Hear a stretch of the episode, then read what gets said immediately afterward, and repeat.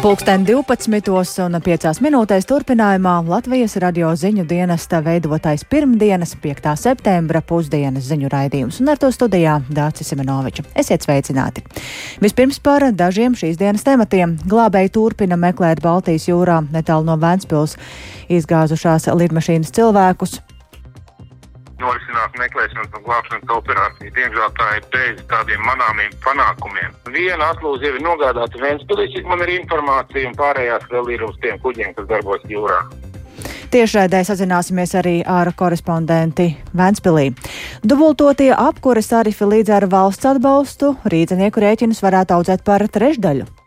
Pagājušajā apkurss sezonā iedzīvotāji par dzīvokli maksāja 60 līdz 70 eiro, tikai par apkursu. Nākamajā apkurss sezonā tie varētu būt 90 līdz 100 eiro. Nu. Un Ukrainas spēki turpina atbrīvot Krievijas iebrucēju ieņemtās apdzīvotās vietas, taču uz drīzu reģiona atbrīvošanu cerēt nav pamata здійснюється, як і раніше, вогневий. Pašlaik tiek izdarīts uguns spiediens uz Krievijas objektiem. Galvenais mērķis ir pabīdīt frontes līniju tuvāk Ņeprai. Mums ir arī ziņas, ka atsevišķas Krievijas armijas vienības atsakās karot.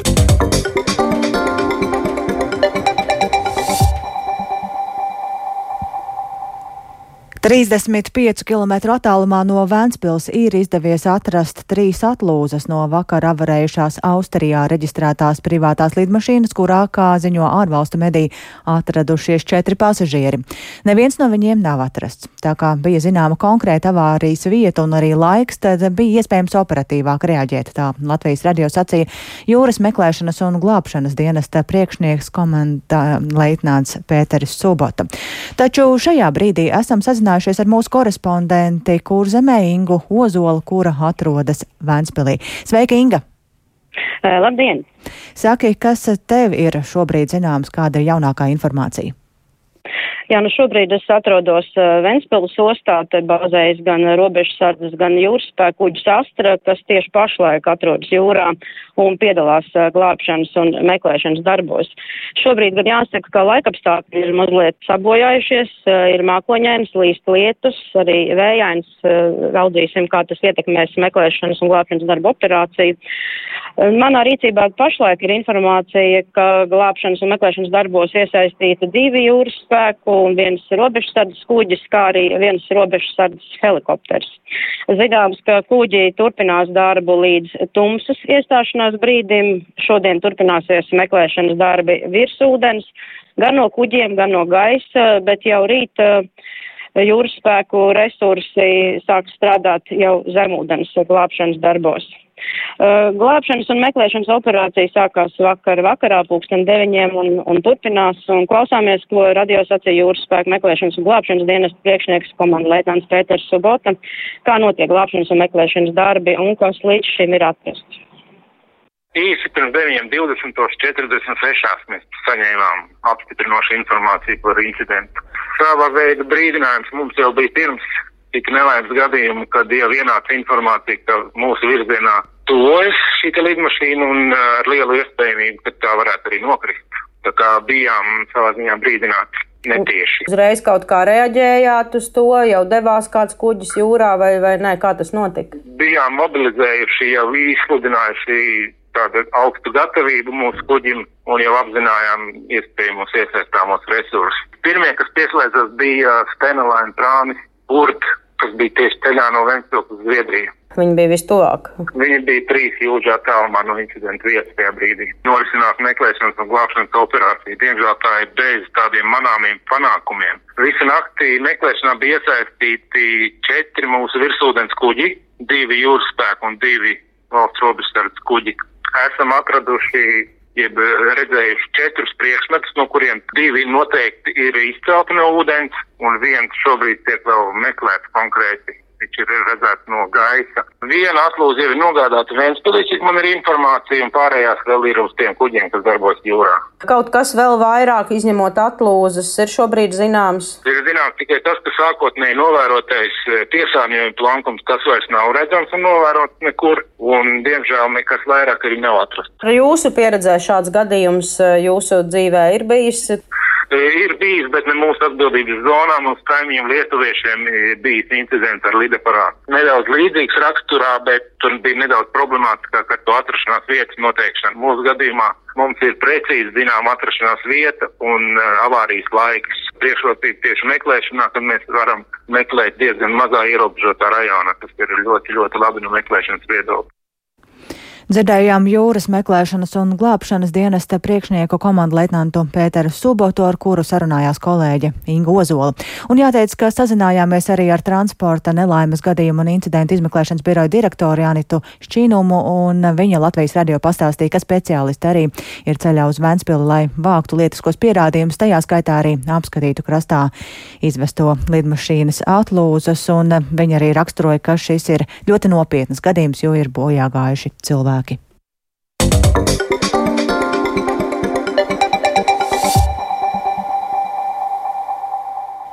Bet par citiem tematiem novembra rēķinā rīdzinieki ieraudzīs jauno tarifu par siltumu un maksa par apkuri būs aptuveni par 35-40% augstāka nekā septembra rēķinā. Rīgas siltums sabiedrisko pakalpojumu regulēšanas komisijā ir iesniedzis no jauna aprēķināto tarifu un prognozē, ka tas stāsies spēkā no 2. oktobra. Plašāk par tematu Linda Zalānas ierakstā. Rīgas iedzīvotāji jauno rēķinu ar paaugstināto siltuma tarifu saņems novembrī, un maksa par siltumu tajā būs par aptuveni 35 līdz 40 procentiem augstāka nekā to redzam septembra rēķinā, teica Rīgas siltums valdes loceklis Raivis Elliņš. Ņemot vērā to, ka mēs 50% no siltumenerģijas saražojam ar šķeldu, kas ir daudz lētāks kurināmais, līdz ar to mēs spējām aprēķināt šo tarifu pat zemāku nekā mēs iegādāsimies no Latvijas energo, un līdz ar to mums galā tad arī sanāca šie 170 eiro un 59 eiro centi, ko rīdinieki savos rēķinos neredzēs, jo būs valsts kompensācija. Tad no rīdiniekiem Rēķinos tie būs 119 eiro un 30 eiro centi. Salīdzinājumam šomēnes siltumenerģijas tarifs rīdziniekiem ir 85 eiro un 45 eiro centi par megavatu stundu. Tādu piemēru esam piemetuši, ka teikšu, pagājušajā apkurs sezonā iedzīvotāji par dzīvokli maksāja 60 līdz 70 eiro tikai par apkuru. Tas ir neskaitot pārējos pakalpojumus, kas ir redzami rēķinā. Tad uh, nākamajā apkurs sezonā tie varētu būt 90 50 līdz 100 eiro. Nu, tāds varētu būt tas kāpums iedzīvotājiem. Tas nozīmē, ka, lai gan energoresursu cenu pieaugums ir patiesi iespaidīgs līdz ar valsts kompensāciju, iedzīvotāji šo kāpumu uz savas ādas jeb apkurs reķinos neizjutīs pilnā apmērā. Tiesa maksa par siltumu, proti apkure un siltā ūdens sagatavošana gada griezumā veido lauvas tiesu jeb trešdaļu no komunālā pakalpojuma rēķina. Rīgas namu pārvaldnieka pārstāvis Krists Leiškalns teica, ka ir neiespējami prognozēt, par cik procentiem pieaugs kopējais komunālo pakalpojumu rēķins, jo ietekmējošie faktori ir vairāki. Attiecībā uz siltumu tie ir gan siltuma patēriņa paradumi, gan laika apstākļi. Lielākā problēma, protams, ir zemās gaisa temperatūras. Tas, ko no pārvaldnieku puses mēs vērtēsim katrā mājā, kur ir iespējams samazināt uh, šo te kopējo temperatūru. Apkurs sezonas laikā, bet tas nebūs viegls uzdevums, jo šīs te vecās uh, padomu laika apkurses sistēmas Viņas nav veidotas ļoti optimāli. Šajās apkurses sistēmās trūks stabilizēšanas elementu, kas ļautu nodrošināt vienmērīgāku gaisa temperatūru mājā. Līdz ar to nu, tas būs diezgan liels izaicinājums, ko mēs darīsim. Kāda būs rezultāti, mēs, protams, redzēsim jau apkurses sezonas laikā. Bet kopumā visiem jācer uz siltu rudeni un siltu ziemu, jo tieši laika apstākļi ir lielākais palīgs rēķinu samazināšanā. Tāpat katram pašam jāizvērtē siltuma patērēšanas paradumi. Krists atgādāja, atgādina, ka nedz dzīvokļos, nedz mājas koplietošanas telpā nevajag atstāt logus ilgstoši vēdināšanas režīmā. Telpa jāizvēdina, atverot visus logus uz noteiktu laiku, un pēc tam logi jāizver, lai siltuma zudums būtu pēc iespējas mazāks. Linda Zalāne, Latvijas radio. Iedzīvotājiem un uzņēmumiem atbalstam energokrīzes risināšanai paredzēta ir vairāk nekā 600 miljonu eiro, kurus valsts tērēs varēs nosekt ar virsplāna ieņēmumiem, kas ir radušies inflācijas dēļ. Tā Latvijas radio teica finanšu ministra padomnieks Ins Dalderis no jaunās vienotības. Un viņš arī atgādināja, ka iepriekš lemts ir par divām jomām, kurās tad valsts tērēs tik daudz naudas, cik būs nepieciešams, un tās ir valsts aizsardzība un atbalsts iedzīvotājiem un uzņēmējiem energokrīzē. Viņš uzsvēra, ja būs nepieciešams, visdrīzāk iedzīvotāju un uzņēmēju atbalstam finanšu palīdzību palielinās. Nu, ja tas būs nepieciešams, tad, protams, ka, ka šajā ziemā nav pieļaujams, ka cilvēks salst vai ja uzņēmumiem tikai tādēļ vien, e, nu, ja viņi ir energo ietilpīgi, viņiem momentā viņi parorientēties nevar, tādēļ viņiem jāslēdz savu ražošanu. Tad pašā laikā ir skaidrs, ka šis sloks ir jāsadala gan starp pašiem e, patērētājiem, iedzīvotāju uzņēmējiem un valsts budžetu, jo gal galā mēs labi arī saprotam, ka tā ir visu mūsu kopējā nauda, kuru pēc tam, kā aizņemtu naudu, mums vajadzēs arī visiem kopīgi atdot. Tā kā te jābūt ļoti sabalansētai pieejai, nu, manuprāt, līdz šim tāda ir bijusi.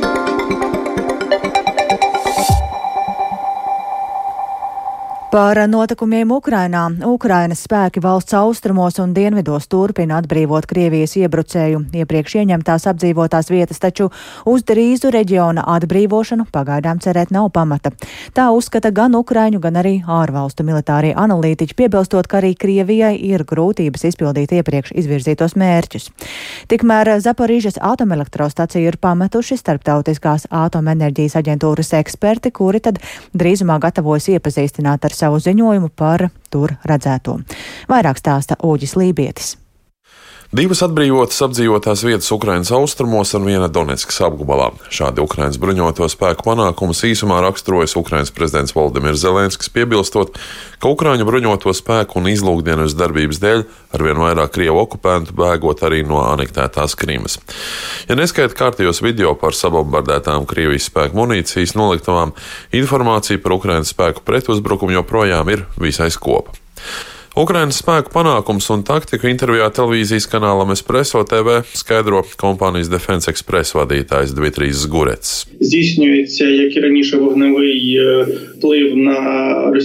Pašlaik tiek izdarīts uguns spiediens uz Krievijas objektiem. Ņepras upes labajā krastā darbojas mūsu aviācija un bezpilota lidaparāti, bet Krievijas pretgaisa aizsardzība šajā sektorā nav efektīva. Ukrainas bruņoties spēki izmanto tālas darbības ieročus un galvenais mērķis ir pabīdīt fronti frontes līniju tuvāk Ņeprai. Mums ir arī ziņas, ka atsevišķas Krievijas armijas vienības atsakās karot. Ņepras labais krasts ir svarīgs visai sabiedrībai, taču reģiona atbrīvošana nebūs ātra. Ir nepieciešams radīt apstākļus, lai ienaidnieks pats aizietu no Helsonas. Karot pilsētās, tā nav mūsu pieeja.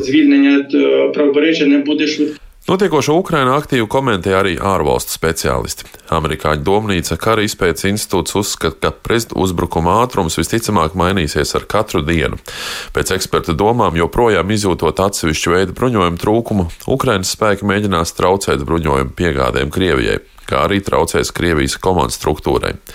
Institūts arī prognozē, ka Krievijas spēki arī laiku pa laikam tomēr dosies kārtējos pretuzbrukumos, cenšoties atkarot zaudētās pozīcijas, vienlaikus pastiprinot artilērijas un aviācijas uzbrukumus, kuros tiem joprojām tomēr ir pārspēks.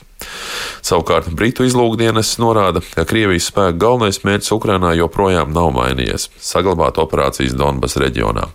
Arī aktīvākās kardarbības vietas pierāda to, ka stratēģija nav mainījusies. Tā ir Avdīvka un Bahmuta.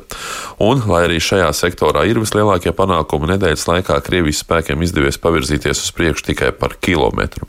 Un šāds lēns progress savukārt varot apgrūtināt Maskavas izvirzīto mērķi pilnībā kontrolēt Donetskas apgabalu līdz 15. septembrim.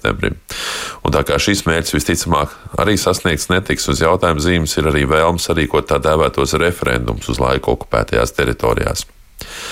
Ar lielu nepacietību tiek gaidīts arī ārvalstu ekspertu ziņojums par to, kāda tad ir situācija Krievijas spēku ieņemtajā Zaporīžas atomelektrostācijā. Kā šorīt ziņo Krievijas masasaziņas līdzekļi, Starptautiskās atomenerģijas aģentūras delegācija ir pametusi Zaporīžas atomelektrostāciju.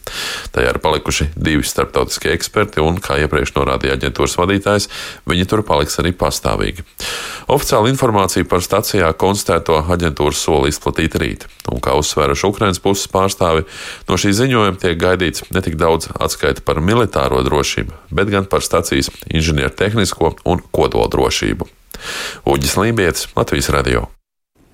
Valsts prezidents Egils Levits likuma projektā piedāvā mainīt Latvijas pareizticīgās baznīcas statusu, lai tā darbotos pilnībā pastāvīgi un neatkarīgi. Pašlaik Latvijas pareizticīgā baznīca darbojas zem Maskavas patriarchāta, kas savukārt atbalsta Krievijā valdošo režīmu un šīs valsts kara darbību pret Ukrainu.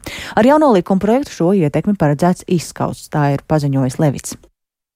Ar šiem likuma grozījumiem, kas tagad ir iesniegti saimā, Latvijas valsts atzīs, ka Latvijas pareizticīgā baznīca ir pilnīgi patstāvīga un neatkarīga, jeb autokefāla, un tā nav atkarīga ne no vienas citas ārpus Latvijas esošas baznīcas varas. Likumam stājoties spēkā, tiks izslēgta jebkāda Maskavas patriārha ietekme vai vara pār mūsu pareizticīgo baznīcu.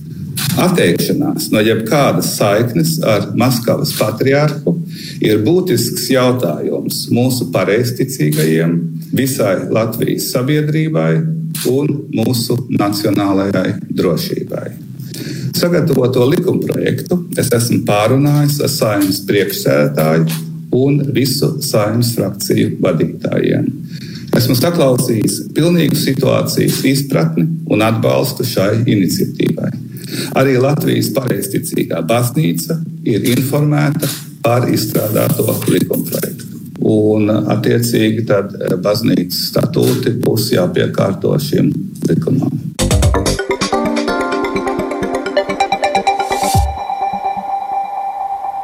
Kamēr izglītības ministrija ar skolotāju arotbiedrību risina samilzušās pedagoģu problēmas, Rīgas skolās mācību gads ir sācies pilnā sparā, tomēr problēmas ar pedagoģu trūkumu ir nopietnas un nākas pat uzņemt cilvēkus bez pieredzes darbā ar bērniem un bez atbilstošas izglītības pedagoģijā.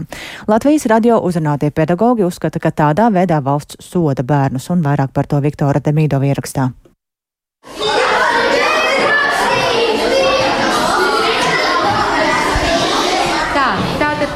Mēs nākamajā reizē tiekamies un līdzi ko mēs ņemam. Rīgā ir simts skolu, kurā bērnus un jauniešus māca 7000 skolotāju.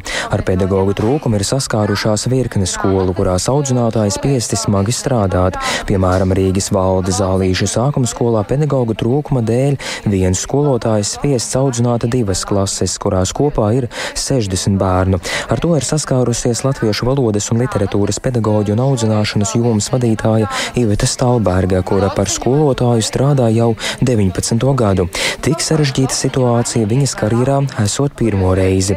Viņa stāsta, ka pirms dažiem gadiem viņu sākuma skolā klases sāka vadīt divi pedagoģi, bet tagad grūtības ir nodrošināt pat vienu skolotāju vienai klasei. Valsts tā kā soda arī tos bērnus, ka nav tie pedagoģi un ka viņi nedabū to visu, ko viņiem man šķiet, ka vajadzētu no tā audzinātā. Jo nu, šobrīd sanāk, ka es to caurumu aizlāpu, es daru visu labāko, ko es varu izdarīt uz šo mirkli bet man ir resursi un enerģijas un spēka ir nu, tik, cik ir vienā cilvēkā. Sākot mācības skolā, trūkst trīs pedagoģu, kuru vidū ir sociālo zinātņu un vēstures skolotājs. Tā norāda iestādes direktore Elita Rītere, atzīstot, ka darbā spiesti pieņemt tos, kuriem nav pieredzes ar bērniem un kuriem nav arī atbilstoša izglītības dokumenta. Tāpēc pieredzējušo skolotāju darba apjoms ir divkāršojies. Vadības līmenī ir milzu slodze, un tas nav nevienā normatīvajā dokumentā iestrādāts kā papildus resursus gūt, lai iegūtu gan laiku, gan naudu. Un šos cilvēkus, kuri ir gatavi ienākt izglītībā, viņiem šķiet, ka viņi ir gatavi to darīt. Nu, dzīve parāda, ka viņiem iet dažādi līdz brīdim, kad viņu entuziasms noplūk. Pierīgas skolās skolotāju algas ir līdz 15% lielākas nekā galvaspilsētā, tāpēc Rīgā problēma ar pedagoģu trūkumu ir izteikta. Tā uzskata Rītere piebilstot, ka tādā veidā pierīgas skolas kļūst par galvaspilsētas skolu filiālēm. Nu, pedagoģu trūkums, manuprāt, ir katastrofās likumsakarīgs un iepriekšējo gadu darbības rezultāts. Es Es personīgi šeit nesaskatu nekādu pozitīvu virzību. Lai gan mācību gads rīt pilnā sparā, Rīgas doma nezina, kāds ir pedagoģu trūkums, taču vienlaikus tam izglītības pārvaldes priekšnieks Ivars Balamovskis atzīmē, ka vakanto vietu skaits nedēļas laikā ir mazinājies, bet tik un tā problēma ir nopietna. Katra, protams, iestāde, katra pašvaldība ir ieinteresēta nu, nokomplektēt pēc iespējas labāku pedagoģisko sastāvu. Tas, ko mēs darām, mēs šogad ar septembri palielināsim vēl piemaksu fondu, kas ir bijis gan skolu direktoriem iepriekš, gan arī nodrošināt papildus finansējumu pirmsskolās. Tas otrs mehānisms mēs turpinām sniegt atbalstu no pašvaldības, varbūt arī atsevišķi skolām, kur šis finansējums ir mazāks, nu, lai teiksim, arī tādas skolas, kas ir skaitliski mazāk vai atrodas attālākās Rīgas apkaimēs, spētu nodrošināt šo mācību plānu izpildu un nu, vismaz noturēt eh, tos skolotājus, kuri šobrīd strādā. Precīzāk informācija par pedagoģu trūkumu gaidāma šīs nedēļas nogalē. Īsi pirms mācību gada sākuma dati liecinājuši, ka lielāks pedagoģu trūkums ir pamatizglītībā, jo īpaši trūka latviešu valodas, matemātikas, datorikas un svešvalodu skolotāju. Viktors Demidovs, Latvijas radio. Tikmēr Latvijas izglītības un zinātnes darbinieku arotbiedrība aizvien gatavojas streikam, kuru paredzēts sākt 19. septembrī. Vienas izlīguma sarunas ar nozares ministriju beidzās bez rezultātu, bet puses joprojām cer uz pamieru, un par to neatmet cerības, lai gan līdz šim kompromisa nav. Šodien ministrijas un arotbiedrības sarunas turpināsies, tāpēc Latvijas radio uzrunāja tos, kuri ir nesaskaņu epicentrā skolotājus, un kādas ir viņu gaidas tuvojoties iespējamam streikam, skaidroja kolēģis Kristaps Feldmanis. Pedagoģu streiks notiks, ja Izglītības un zinātnes ministrija un Latvijas Izglītības un zinātnes darbinieku arotbiedrība nevienosies par kompromisu pirms streika izlīguma sarunās. Tomēr, pat ja streiks notiks, ne visi tajā plāno piedalīties. Daļa šobrīd tam neredz jēgu, taču daudzi ir lēmuši streikā piedalīties. Katram apsvērums ir cits. Daži to dara, jo ir noguruši no milzu slodzes, kā arī vēlas lielāku atalgojumu. Dažiem pacietības mērs gan vēl nav sasniegts, taču solidarizējoties ar kolēģiem, nolemts streikā piedalīties kaut dažas dienas.